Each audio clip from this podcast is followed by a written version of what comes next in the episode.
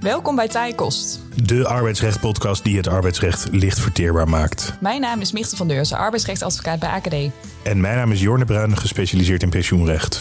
Ja, Jorn, vandaag eh, staat op het menu een uitstapje naar de wonderenwereld van het mededingingsrecht. Het klinkt bijna als de Efteling hè, op deze ja, manier. Zo had ik het ook wel geprobeerd te brengen, inderdaad. Uh, voor ons arbeidsrechtadvocaat natuurlijk niet uh, wetgeving waar we ons iedere dag mee bezighouden. Uh, maar we zullen vandaag horen dat er zeker ook raakvlakken zijn tussen arbeidsrecht en het mededingingsrecht. we gaan het hebben over de mogelijkheden van ZZP'ers, zelfstandig zonder personeel, en opdrachtgevers om collectieve afspraken te maken. Meer specifiek over de rijkwijde van het mededingingsrechtelijke kartelverbod. Ja, dus vandaag gaan we het niet alleen hebben zoals de luisteraar van ons gewend is over het uh, arbeidsrecht, maar we gaan het ook hebben over het mededingingsrecht. Uh, en zoals altijd hebben wij weer een van onze buitengewoon deskundige uh, kantoorgenoten gevraagd om ons bij te praten. en ditmaal hebben wij bereid gevonden Octave Schiens. Octave is advocaat mededingingsrecht, heeft eerst jaren bij de autoriteit Consument en Markt gewerkt, maar inmiddels is hij volledig thuis in de advocatuur. Hij werkt op onze Brusselse vestiging. Ehm, en en nou, vandaag speciaal voor ons helemaal vanuit Brussel naar Rotterdam gekomen. Van harte welkom, Octave. Ja, dank voor de uitnodiging en voor de mooie introductie. Ja, leuk dat je er bent. Even voor ons als uh, leken, het mededingingsrecht. Wat is het eigenlijk? Um, ja, mededingingsrecht dat... Um laat zich eigenlijk vrij eenvoudig samenvatten. Uh, het gaat er met name om dat er effectieve en eerlijke concurrentie uh, mogelijk is. Bedrijven die moeten in beginsel uh, onafhankelijk van elkaar hun marktgedrag bepalen. Dat leidt, zo is de gedachte, uiteindelijk tot lagere prijzen. Bedrijven zullen gaan innoveren. En nou, dat komt de consument, als het goed is, uh, ten goede. Uh, en die profiteert daarvan. Um, en daarom is het zo dat afspraken tussen bedrijven, bijvoorbeeld prijsafspraken, daarvan wordt aangenomen dat die de mededinging belemmeren. Worden ook wel hardcore beperkingen genoemd. ja, die zijn niet toegestaan omdat daarmee de mededinging zou worden belemmerd. We hebben uh, verschillende toezichthouders. Uh, op Europees niveau is dat de Europese Commissie. Uh, die houdt toezicht op de naleving van de mededingingsregels. In Nederland is dat de autoriteit Consument en Markt, mijn oude werkgever dus. Ik wou het zeggen, jij weet als geen ander hoe dat werkt. Dat klopt wel een beetje. Ik heb uh, ook voor het andere team gespeeld. We hebben jou weggekocht. Ja, hoge transfer. transfer. Ja. Um, maar in Nederland is het dus de ACM die uh, toezicht houdt op de naleving van de mededingingsregels. Uh, nou ja, en waar, waardoor wordt dat onderscheid bepaald. Wanneer houdt welke autoriteit toezicht? Dat hangt er vanaf of een uh, afspraak um, de handel tussen lidstaten kan beïnvloeden, merkbaar kan beïnvloeden. Is dat het geval, dan heeft de Europese Commissie nou ja, als eerste de bevoegdheid om kartelafspraken te onderzoeken. Nou, nou zitten wij hier in een uh, tamelijk arbeidsrechtelijke context doorgaans. Um, ik bedoel, je zit hier natuurlijk vanwege de raakvlakken tussen het mededingingsrecht en het arbeidsrecht. Kan jij kort iets zeggen over hoe het mededingingsrecht van invloed is op het arbeidsrecht? Hoe, waar raken die, die rechtsgebieden elkaar? Uh, ja, die kunnen elkaar wel raken. Uh, bijvoorbeeld als je denkt aan concurrentiebedingen of niet-wervingsbedingen. ondernemers die kunnen bijvoorbeeld met elkaar afspreken dat zij elkaars personeel niet zullen, zullen inhuren. En dan maakt het niet eens zoveel uit of die bedrijven zich niet op dezelfde producten productmarkt begeven. Denk bijvoorbeeld aan Apple en McDonald's. Nou, die verkopen compleet verschillende producten. Maar als zij uh, een ICT'er willen inhuren voor nou ja, ICT-diensten, dan bevinden zij zich wel op dezelfde inkoopmarkt voor de inhuur van ICT-personeel. Uh, um, en als partijen dan afspraken gaan maken dat zij elkaars personeel niet gaan uh, inhuren of afspraken maken voor welke, tegen welke voorwaarden zij personeel gaan inhuren, dan kan dat de mededinging belemmeren. Daar gaan we het vandaag niet over hebben, uh, dat soort afspraken. Uh, maar we gaan het hebben over de mogelijkheden uh, die ZZP'ers samen met opdrachtgevers hebben om met elkaar collectieve afspraken te maken zonder dat ze daarbij het kartelverbod overtreden. Dat is ja, dus ook een, een raakvlak of nou ja, een, een thema waar het arbeidsrecht en het mededingingsrecht elkaar kunnen raken. En je zegt ZZP'ers, nou, dat is natuurlijk veel om te doen. Waarom is dat nou juist nu een hot topic? Ehm, ja, dat heeft denk ik te maken met uh, verschillende ontwikkelingen. Uh, de flexibilisering uh, van de arbeidsmarkt en veel lidstaten. Er is een enorme groei van, van ZZP'ers, van flexwerkers, van, van payrollers. Ik geloof dat er in Nederland al, al meer dan 1 miljoen ZZP'ers zijn. vaak besteden bedrijven sommige activiteiten uit. Nou ja, bijvoorbeeld weer ICT. er is ook sprake van veel onderaanneming. Um, en ZZP'ers zijn in sommige opzichten ook interessant voor werkgevers. Uh, ze kunnen flexibel uh, worden ingezet. Er zijn uh, minder of geen arbeidsrechtelijke verplichtingen, maar ja, daar zijn jullie meer thuis in, dan ik.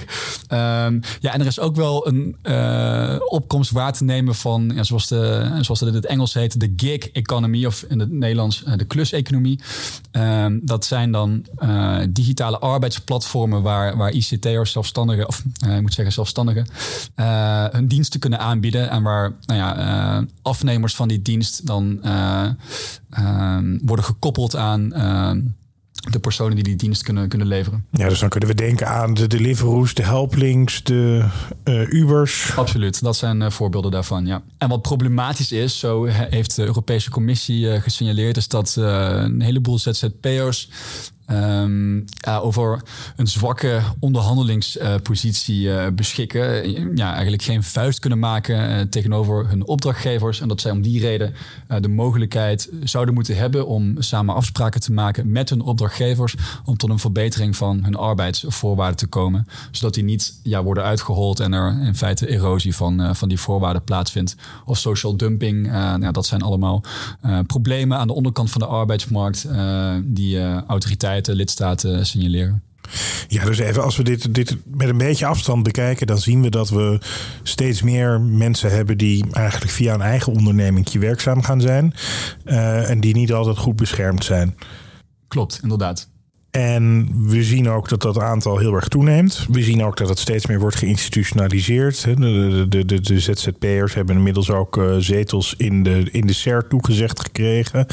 Dus ze maken gewoon inherent onderdeel ook uit van, uh, van, van onze samenleving. De volgende stap is misschien wel dat die ZZP'ers ook uh, onderling prijsafspraken of iets dergelijks zouden willen maken. En dat is denk ik precies waar dan het mededingingsrecht misschien wel gaat knellen. Ja, dat, dat klopt. Ehm, ja, dat heeft er alles mee te maken of, of ZZP'ers als uh, ondernemingen uh, uh, worden gekwalificeerd. En dat is beginsel zo. Elke economische activiteit, elke entiteit die een economische activiteit verricht, wordt als een onderneming beschouwd onder het mededingingsrecht. Dus ook zo'n ZZP'er? Ook een ZZP'er, ook al voeren ze hun werk individueel uit, kunnen zij toch als onderneming worden beschouwd. Nou ja, en als ondernemingen met elkaar uh, afspraken maken die de mededinging belemmeren, kort samengevat. Uh, of kort gezegd, dan uh, kan dat een overtreding van het kartelverbod opleveren. Even, even, even, voor het begrip, overtreding van het kartelverbod, dat, dat is vast niet heel goed. Wat gebeurt er dan?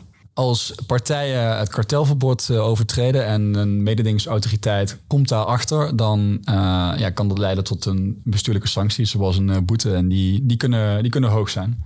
Dus de, de ZZP'ers hebben er belang bij om, om binnen de kaders te blijven in ieder geval. Absoluut, ja. dat zou ik wel zeggen. En, en, maar zit daar nog iets van rek in? Zijn er uitzonderingen voor, voor ZZP'ers? Ja, die zijn er wel gekomen, geleidelijk aan. Uh, dat is eigenlijk begonnen met uh, de Albany of CAO-exceptie. Uh, dat is een arrest van het Hof, het Hof van Justitie van de Europese Unie uit 1999. Ehm, het ging in die zaak om een geschil tussen Albany International uh, eh, eh, BV, een Nederlandse onderneming met de stichting Bedrijfspensioenfonds Textielindustrie. Dit spreekt mij bijzonder aan natuurlijk, ja. Pas op hoor, anders houdt hij niet meer op. Ja, kort gezegd, uh, maar dat zou jou, jou, dan wel bekend zijn, uh, Jorn, weigerde Albany uh, een pensioenpremie te betalen aan de stichting, omdat zij zelf al ja, waren aangesloten bij een pensioenvoorziening.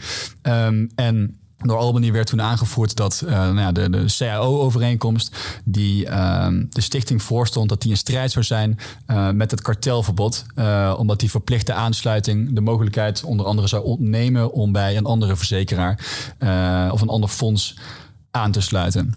Nou, en dat arrest heeft het Hof toen geoordeeld dat nou ja, een bepaalde collectieve uh, overeenkomsten, collectieve arbeidsafspraken, dat ja, een mededingingsbeperkende werking daaraan inherent uh, kan zijn, dus daaruit voortvloeit. Um, maar dat die afspraken toch kunnen zijn toegestaan, uh, omdat anders bepaalde doelstellingen van sociaal, sociaal-politieke aard ja, ernstig worden belemmerd, de verwezenlijking daarvan. Ehm, en om die reden dus ja, dat soort afspraken ja, niet in strijd met het kartelverbod uh, worden geacht. Dus soms mogen sociale afspraken de mededinging toch beperken? Ja, daarvoor moet wel aan twee uh, voorwaarden worden voldaan. Uh, als ja, partijen voor deze Albany-exceptie in aanmerking willen komen. in de eerste plaats moeten de afspraken het resultaat zijn van een sociaal dialoog tussen werkgevers en werknemers. en in de tweede plaats moet het wel gaan om ja, afspraken die zien op de verbetering van arbeids voorwaarden of uh, werkgelegenheidsvoorwaarden. Nou, als aan die twee criteria wordt voldaan, uh, dan komen partijen voor die Albany-exceptie uh, in aanmerking. En dit ziet op werkgever-werknemerrelatie. En daar, vanuit daar is een vertaalslag gemaakt ook voor zelfstandigen, begrijp ik. Ja, dat klopt helemaal. Uh, met nog een tussenstapje. Uh, eerst kwam uh, na het Albany-arrest het Pavlov-arrest in 2000.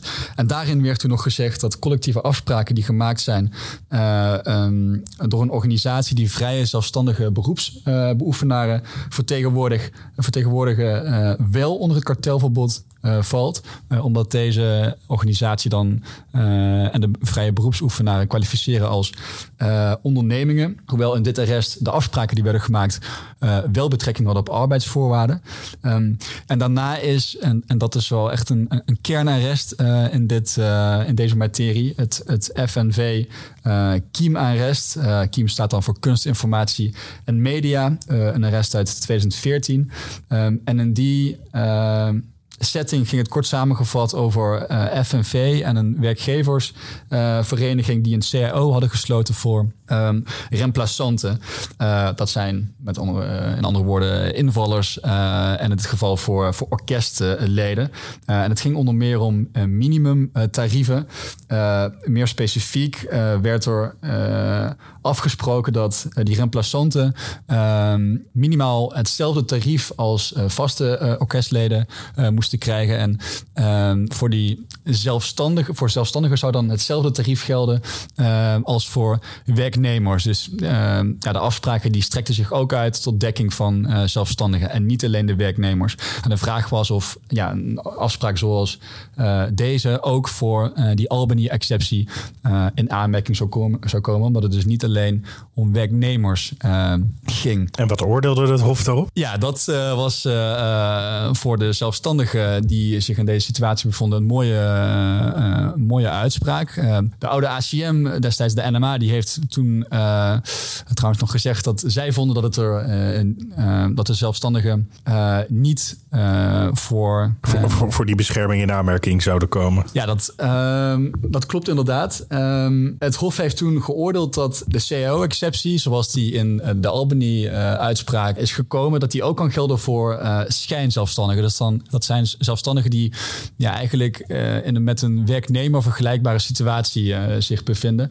Um, en het Hof heeft daar uh, handvatten voor gegeven. Wanneer is dan sprake van zo'n schijn zelfstandige. Um, nou, dat is bijvoorbeeld zo als een zelfstandige onder leiding van een werkgever handelt wat betreft de vrijheid om nou ja, een tijdschema, plaats of inhoud van het werk te kiezen. Um, een ander criterium is dat um, de zelfstandige niet deelt in de commerciële risico's van de werkgever.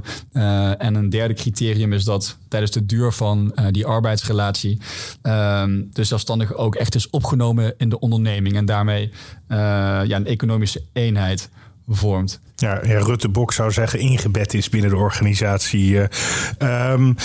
Maar, maar, dit ziet alleen op schijnzelfstandigen. En, en uh, daarbij zegt het Hof eigenlijk, die schijnzelfstandigen, dat, nou, die zijn vergelijkbaar met wat we Europees rechtelijk in ieder geval zien als werknemer. Maar stel nou dat je als ZZP'er niet schijnzelfstandige bent. Ehm, dan uh, zou je dus nog steeds uh, in aanmerking kunnen komen voor bescherming. Bescherming in de zin dat je collectieve afspraken kunt maken met opdrachtgevers. En daar geven de, de richtsnoeren van de Europese Commissie, die in september vorig jaar, 2022, zijn gepubliceerd. ja, die bieden daar duidelijkheid voor in welke omstandigheden dus alsnog afspraken mogen worden gemaakt. En, en heel even, want richtsnoeren, dat, dat klinkt bijna alsof je nou, een of andere ketting of iets dergelijks hebt. Maar wat zijn richtsnoeren? Ja, dat is een soft law uh, instrument waarmee um, voor uh, Europees burgers uh, duidelijk wordt gemaakt op welke manier de Europese Commissie haar beleid zal uitoefenen. Het is vergelijkbaar met bijvoorbeeld de leidraden die de ACM, de Nederlandse mededingingsautoriteit, publiceert om duidelijk te maken op welke manier zij nou haar handhaving zal. Dus, dus is het Europees Hof daar dan niet aan gebonden, maar die beschouwt het wel vaak als richtinggevend, neem ik aan.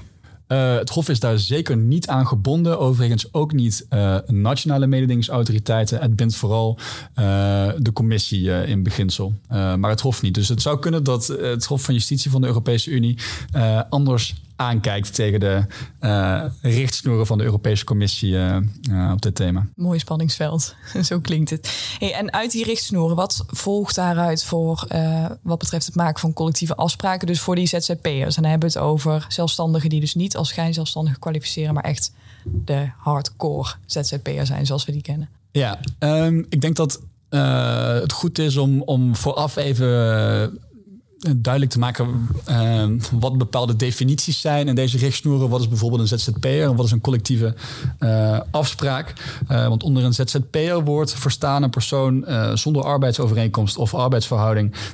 dus die, die hoofdzakelijk door middel van eigen arbeid diensten verricht. Dus dan gaat het bijvoorbeeld niet om een autoverkoper of, een, of een verhuurder van accommodatie, omdat dan nou ja, niet met persoonlijke arbeid een dienst wordt geleverd. En een collectieve afspraak, uh, daar moet onder worden verstaan uh, een afspraak die is gesloten tussen ZZP'ers of vertegenwoordigers van ZZP'ers uh, en opdrachtgever of ja, meerdere opdrachtgevers. En dat moet dan wel gaan om, om afspraken die betrekking hebben op arbeidsvoorwaarden van ZZP'ers. nou, eigenlijk een, een, uitvloeisel van wat in de Albany-uitspraak door het Hof is geoordeeld.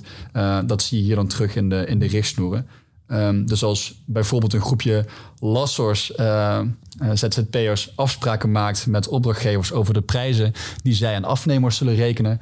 Um, ja, dan valt dat niet onder uh, de richtsnoer. Dan komt dat niet voor bescherming in aanmerking. Omdat het dan gaat om nou, de voorwaarden, die prijzen die, die bij afnemers in rekening worden gebracht. En niet meer om de arbeidsvoorwaarden van de ZZP'ers, van de lassers zelf. Dus dat valt dan buiten de scope van deze richtsnoeren. Ja, dus, maar, maar moet ik het dan zo zien dat je wel afspraken kan maken over de vergoeding die je krijgt? Dus salaris, bij wijze van spreken, maar niet over de prijs die je in rekening brengt.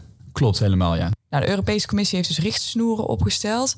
Um, kun je iets zeggen over onder welke omstandigheden die afspraken die gemaakt worden, dus buiten de werkingssfeer van het kartelverbod vallen? Zeker. Uh, daar geeft de commissie uh, wat aanknopingspunten voor in haar uh, richtsnoeren. Um, eerste criterium, uh, dat ziet op economische afhankelijkheid van de opdrachtgever. Uh, en uh, de commissie die, die concretiseert dat nader. Die zegt, uh, ja, als je eigenlijk exclusief of voornamelijk voor één opdrachtgever werkt, uh, dan ben je economisch afhankelijk van, van je opdrachtgever of van je tegenpartij. en de commissie geeft dan meer handen en voeten aan en zegt, nou ja, daarvan is volgens ons sprake als je tenminste 50% van je totale beroepsinkomen het afgelopen jaar of twee jaar bij die ene opdrachtgever hebt verworven. Dan zou sprake zijn volgens de commissie van economische afhankelijkheid nou, het lijkt al een beetje uh, op een inkomensafhankelijke relatie die je als werknemer natuurlijk ten opzichte van je werkgever hebt. Ja, klopt. Klopt. Um, en het tweede criterium dat de commissie aanreikt, uh, dat noem ik even het, het, zij-aan-zij criterium. Als uh, zelfstandige zij aan zij werken met, met werknemers. Um, en dezelfde eh, of vergelijkbare taken uitvoeren, hun diensten verrichten onder leiding van uh, een opdrachtgever, uh, niet meedragen in commerciële risico's. Dat is weer een voorwaarde die ook in het FNV-arrest door het Hof naar voren is gebracht. Um, Ja, in de praktijk komt het voor dat deze groep uh, ZZP'ers uh, nog niet zijn aangemerkt als, als werknemer. Um, maar uh, ja, het wel belangrijk is dat zij, als zij zich in deze situatie bevinden, een situatie die vergelijkbaar is met een werknemer, um, collectieve afspraken zouden moeten kunnen maken en moeten kunnen profiteren van de bescherming die deze richtsnoeren bieden. Um, en in Nederland zie je bijvoorbeeld dat de collectieve arbeidsovereenkomst voor kunst en toneel, die is gesloten voor werknemers ook van toepassing is op zelfstandigen uh, die actief zijn in deze sector. Um, ja, op die manier worden zelfstandigen en werknemers aan elkaar gelijk uh, geschakeld. Als derde criterium geeft de Europese Commissie nog dat zelfstandigen die voor uh, digitale arbeidsplatformen werken, ook uh, voor bescherming en aanmerking kunnen komen. Um, en in dat verband is vooral van belang wie dan het werk organiseert. Of dat inderdaad door het uh, platform uh, wordt gedaan.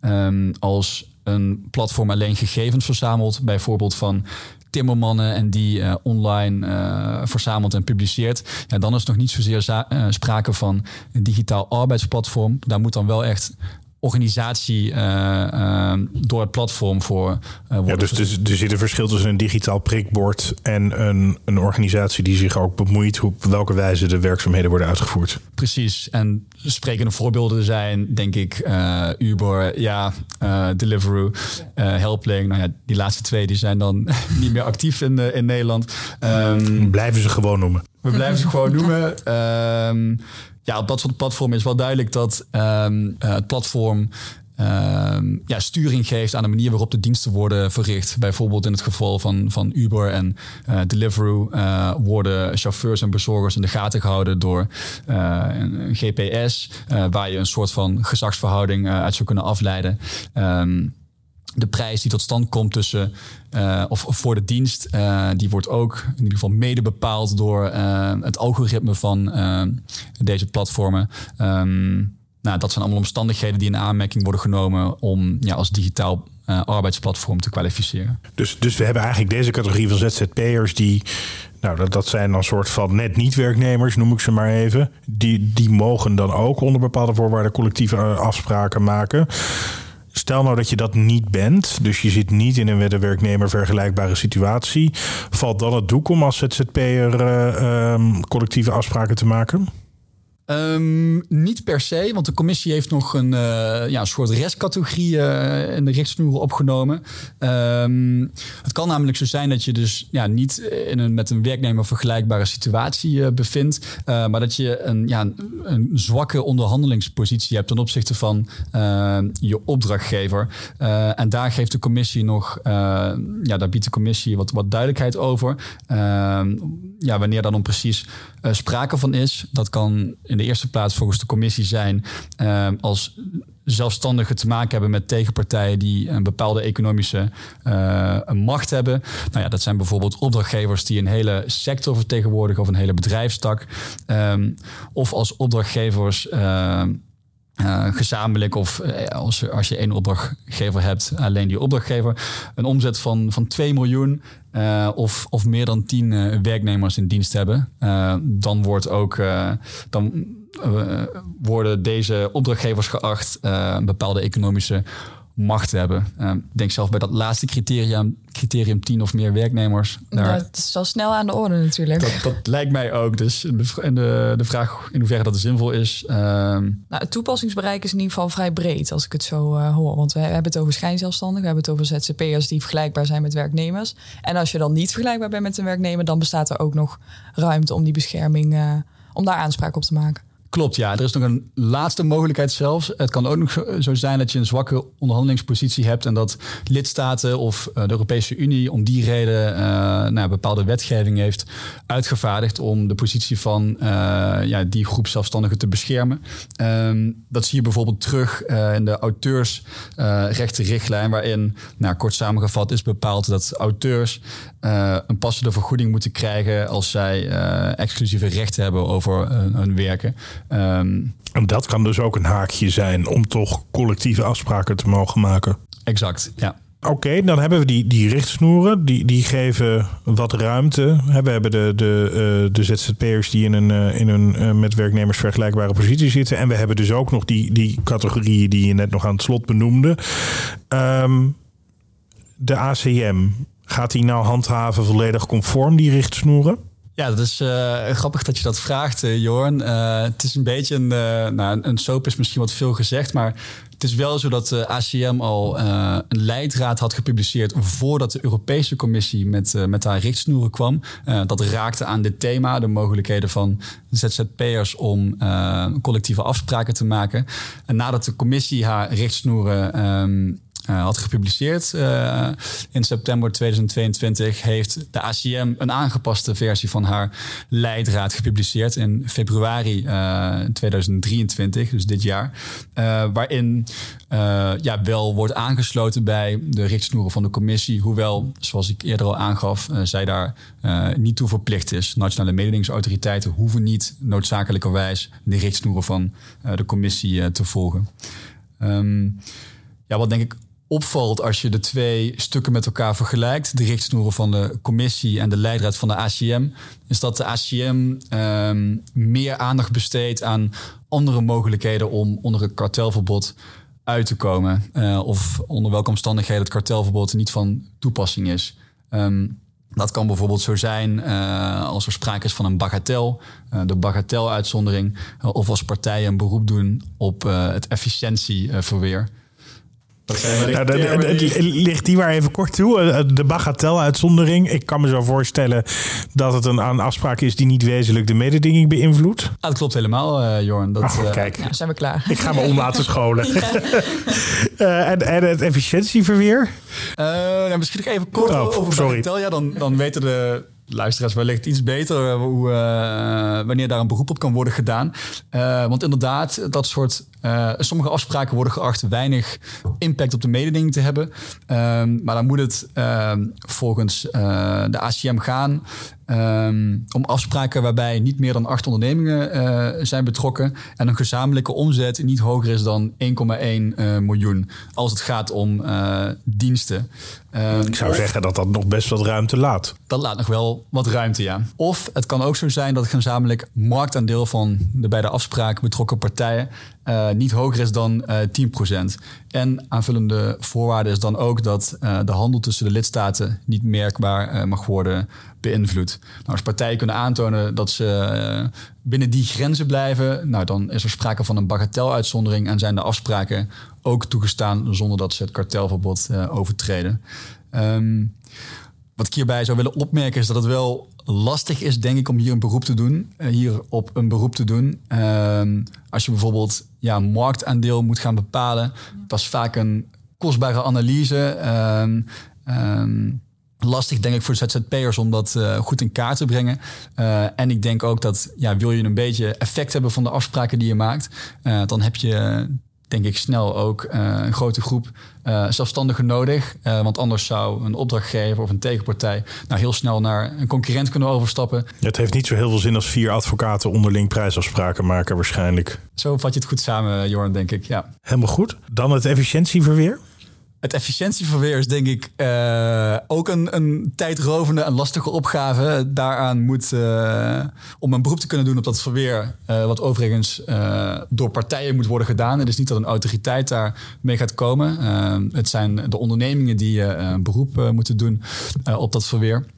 Daaraan moet, daarvoor moet aan vier uh, voorwaarden uh, worden voldaan. Uh, nou, ik zal ze niet allemaal heel uitgebreid bespreken, maar in een notendop moeten er efficiëntieverbeteringen zijn. Dus nou, in dit geval bijvoorbeeld een niveau van sociale bescherming voor zelfstandigen.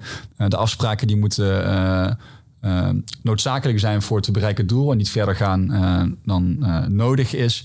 Um, de voordelen van uh, de afspraak, uh, of van de afspraken die moeten terechtkomen bij uh, directe en indirecte afnemers. nou, bijvoorbeeld de afnemers van de, de diensten van, van de zelfstandigen. En er moet als vierde voorwaarde ook restconcurrentie overblijven. Um, ja, waarbij opnieuw denk ik zich de vraag opdient: als er restconcurrentie moet overblijven, is het dan wel zo zinvol om die afspraken te maken? Biedt hij nog bescherming? Ja, ja dus uh, kort samengevat, het is zeker niet onmogelijk om, om uh, op dit uh, efficiëntieverweer een beroep te doen. Maar ja, of het succesvol is, dat, um, ja, dat is een tweede vraag. En zal denk ik veel tijd vergen om dat goed uiteen te zetten. En wat is nu de waarde van die leidraad van de ACM? Want we bespraken natuurlijk net al dat de richtsnoeren van de Europese Commissie. Um, dat, dat zijn richtsnoeren, handvaten als het ware. En het Hof hoeft daar in ieder geval uh, geen rekening mee te houden. Um, maar nu hebben we het over een leidraad van de ACM, Nederlands toezichthoudend orgaan. Ik kan me voorstellen dat dat uh, ja, in Nederland toch wel wat meer impact gaat hebben. In ieder geval op bedrijven en gedrag.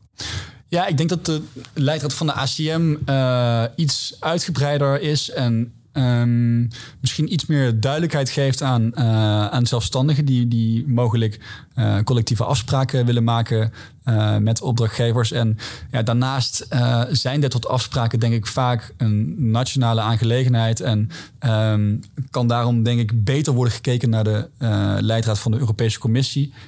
naar de leidraad van de ACM, excuus. In plaats van de richtsnoeren van de Europese Commissie. omdat die zich alleen zullen buigen over ja, collectieve afspraken. zodra die nou ja, de handel tussen lidstaten ongunstig uh, en merkbaar kunnen beïnvloeden. Nou ja, en als het gaat om een groepje zelfstandige ZZP'ers die samen afspraken maken, dan zal, dat, uh, zal aan dat criterium wellicht niet heel snel uh, worden voldaan. Zijn er, zijn er ook nog verder specifieke aandachtspunten dat je zegt, um, hier zou je in ieder geval, dit valt op aan die richtsnoeren? Wat mij betreft uh, valt vooral op dat de commissie nieuwe of aanvullende criteria uh, introduceert. In, in aanvulling op de rechtspraak die is gewezen. Uh, de arresten die we, die we met elkaar bespraken, Albany, Pavlov en het FNV-arrest. Um, van het Hof van uh, justitie van de Europese Unie had eigenlijk al criteria geformuleerd om te bepalen of uh, zelfstandigen kwalificeren als schijnzelfstandigen. Nou ja, als dat het geval is, dan uh, kun je zeggen dat die schijnzelfstandige een werknemer is en vallen afspraken tussen een werknemer slash schijnzelfstandige met opdrachtgevers buiten de toepassing van het kartelverbod. In ieder geval op Europees niveau, hè? want in Nederland hebben we daar natuurlijk weer een hele eigen draai aan. Uh, in ieder geval op Europees niveau, ja. Um, en ja, wat de commissie nu in de uh, richtsnoeren zegt, is ja, ongeacht of um, een zelfstandige als schijnzelfstandige kwalificeert, uh, dan kan nog steeds een zelfstandige in een met een werknemer vergelijkbare situatie zitten. Um, maar de criteria die de commissie heeft vastgesteld om dat te beoordelen, die komen weer grotendeels overeen met criteria die het Hof al uh, had geïntroduceerd. Bijvoorbeeld, welke partij draagt nu uh, commerciële risico's? Uh, ja, en daarmee komen via de achterdeur de criteria um, van het Hof weer terug bij de criteria die de commissie heeft vastgesteld. Um, ja, en daarmee worden eigenlijk extra safe harbors gecreëerd. die moeten worden getoetst aan gedeeltelijk dezelfde criteria. En dat is, denk ik, verwarrend. En ook uh, onzeker voor uh, partijen, omdat um, deze safe harbors geen garantie bieden dat uh, de afspraken ook daadwerkelijk buiten de toepassing van een kartelverbod vallen. Het kan namelijk zo zijn dat het Hof van Justitie het allemaal heel mooi vindt wat de commissie en de richtsnoer heeft opgenomen, maar ja, niet meegaat in de safe harbors die de commissie geïntroduceerd heeft. Ja, met andere woorden, zo safe zijn die harbors wellicht ook weer niet dan. Nee, zo zou je het inderdaad kunnen zeggen. Ja, het, uh, het Hof van Justitie uh, die kan uh, iets anders vinden dan de Europese Commissie. Zoals wel ja. sprake zijn die niet bindend voor, voor het Hof. Dus het biedt geen garanties. Zijn er wel tips of adviezen die we mee zouden kunnen geven? Um, nou ja, het is in ieder geval niet zo dat afspraken die niet binnen toepassingsgebied van de richtsnoeren vallen, dat het dan direct game over is. zoals we al uh, bespraken uh, kunnen partijen bijvoorbeeld nog kijken of uh, de afspraken weinig impact hebben op, op de mededinging, de bagateluitzondering. Ze zouden nog een beroep kunnen doen op een efficiëntieverweer. Um, dat zou je partijen, denk ik, in de eerste plaats kunnen meegeven. En, en wellicht dat er dan dus nog iets van ruimte is. Um, we, zien het nog niet zo heel veel hè, op dit moment. Dat er ook echt afspraken tot stand komen. We weten dat op zich cao's zich wel breder kunnen uitstrekken. We zien ook wel hier en daar, eh, je zei net terecht, uh, cao podium en kunsten. Uh, er zijn er nog wel een paar, maar niet ontzettend veel. Verwacht je dat dit nog een grotere vlucht gaat nemen? Ik denk wel, uh, naarmate dat ja, het aantal ZZP'ers groeit, dat ook de behoefte zal groeien uh, om die ZZP'ers betere bescherming te bieden op het gebied van uh, arbeidsvoorwaarden. Um, maar ik denk dat de rechtspraak in die zin ook al een, een aardig handje helpt. Uh, bijvoorbeeld het Deliveroo-arrest, dat onlangs is geweest door de Hoge Raad, waarin al wordt aangegeven dat. Um, um, bezorgers met een werknemer uh, vergelijkbaar zijn. En om die reden al ja, de kastanjes uit het vuur zijn gehaald, uh, als het ware. Omdat dat betekent dat deze werknemers recht hebben op uh, pensioenbetalingen en dergelijke. Maar Jorn, nee hoor, nee, dat, uh, ik, kan me dat inderdaad... Kijk, ik het blijft koffiedik kijken natuurlijk wat er gaat gebeuren. Maar ik kan me inderdaad wel voorstellen dat, dat hier meer behoefte aan, aan gaat ontstaan. Uh, en dan tot slot, welke, welk advies kan jij uh, deze ZZP'ers bijvoorbeeld meegeven... als zij uh, dergelijke afspraken zouden willen maken. Kort en goed denk ik dat uh, dit zich goed laat samenvatten in een, in een mantra dat, dat aansluit bij het thema. Um, ja, wil je als werkgever en, en ZZP'er collectieve afspraken maken en maak je je zorgen of daarmee de mededingingsregels worden overtreden? zoek, eerste letter is een Z, dan als eerste uit of het kartelverbod überhaupt van toepassing is. Dus kwalificeren ZZP'ers als, als schijnzelfstandigen. Uh, in dat geval worden zij als werknemer beschouwd en dan ja, geldt het kartelverbod uh, niet. Um, ja, worden zij toch wel als onderneming, moeten zij wel als onderneming worden gezien uh, en hebben zij de wens om afspraken te maken. zorg, dat is dan het tweede zet. Ik heb een vermoeden waar we heen gaan. Zorg dat de afspraken dan uh, alleen betrekking hebben op uh, de arbeidsvoorwaarden uh, van de zelfstandigen. en dat beide kanten bij ehm, de afspraken betrokken zijn. Dat wil zeggen de zelfstandigen aan de ene kant en opdrachtgevers of tegenpartijen uh, aan de andere kant. Uh, en tot slot, PEL, uh, de, de P of, of zelfstandigen in een met een werknemer vergelijkbare situatie zitten. of sprake is van onevenwicht in onderhandelingsmacht. in beide gevallen ja, kunnen de afspraken die dan gemaakt worden buiten toepassing van het kartelverbod uh, vallen. CQ eh, treedt de commissie uh, niet op tegen dat soort afspraken. Nou, als dit uh, ezelsbruggetje bruggetje niet meer blijft hangen, dan weet ik het ook niet meer. Uh, bedankt voor deze waardevolle tips. En bedankt dat je vandaag uh, je kennis met ons en onze luisteraars hebt willen delen. Ja, en ook veel dank aan u voor uw luisterend oor. Smaakte dit naar meer? Abonneer u dan op Taaie Kost om geen enkele aflevering te missen. En wilt u de uitspraken nog eens rustig nalezen, dan kan dat via de in de show notes van deze aflevering opgenomen links. En wij gaan naar de koffie. Lekker.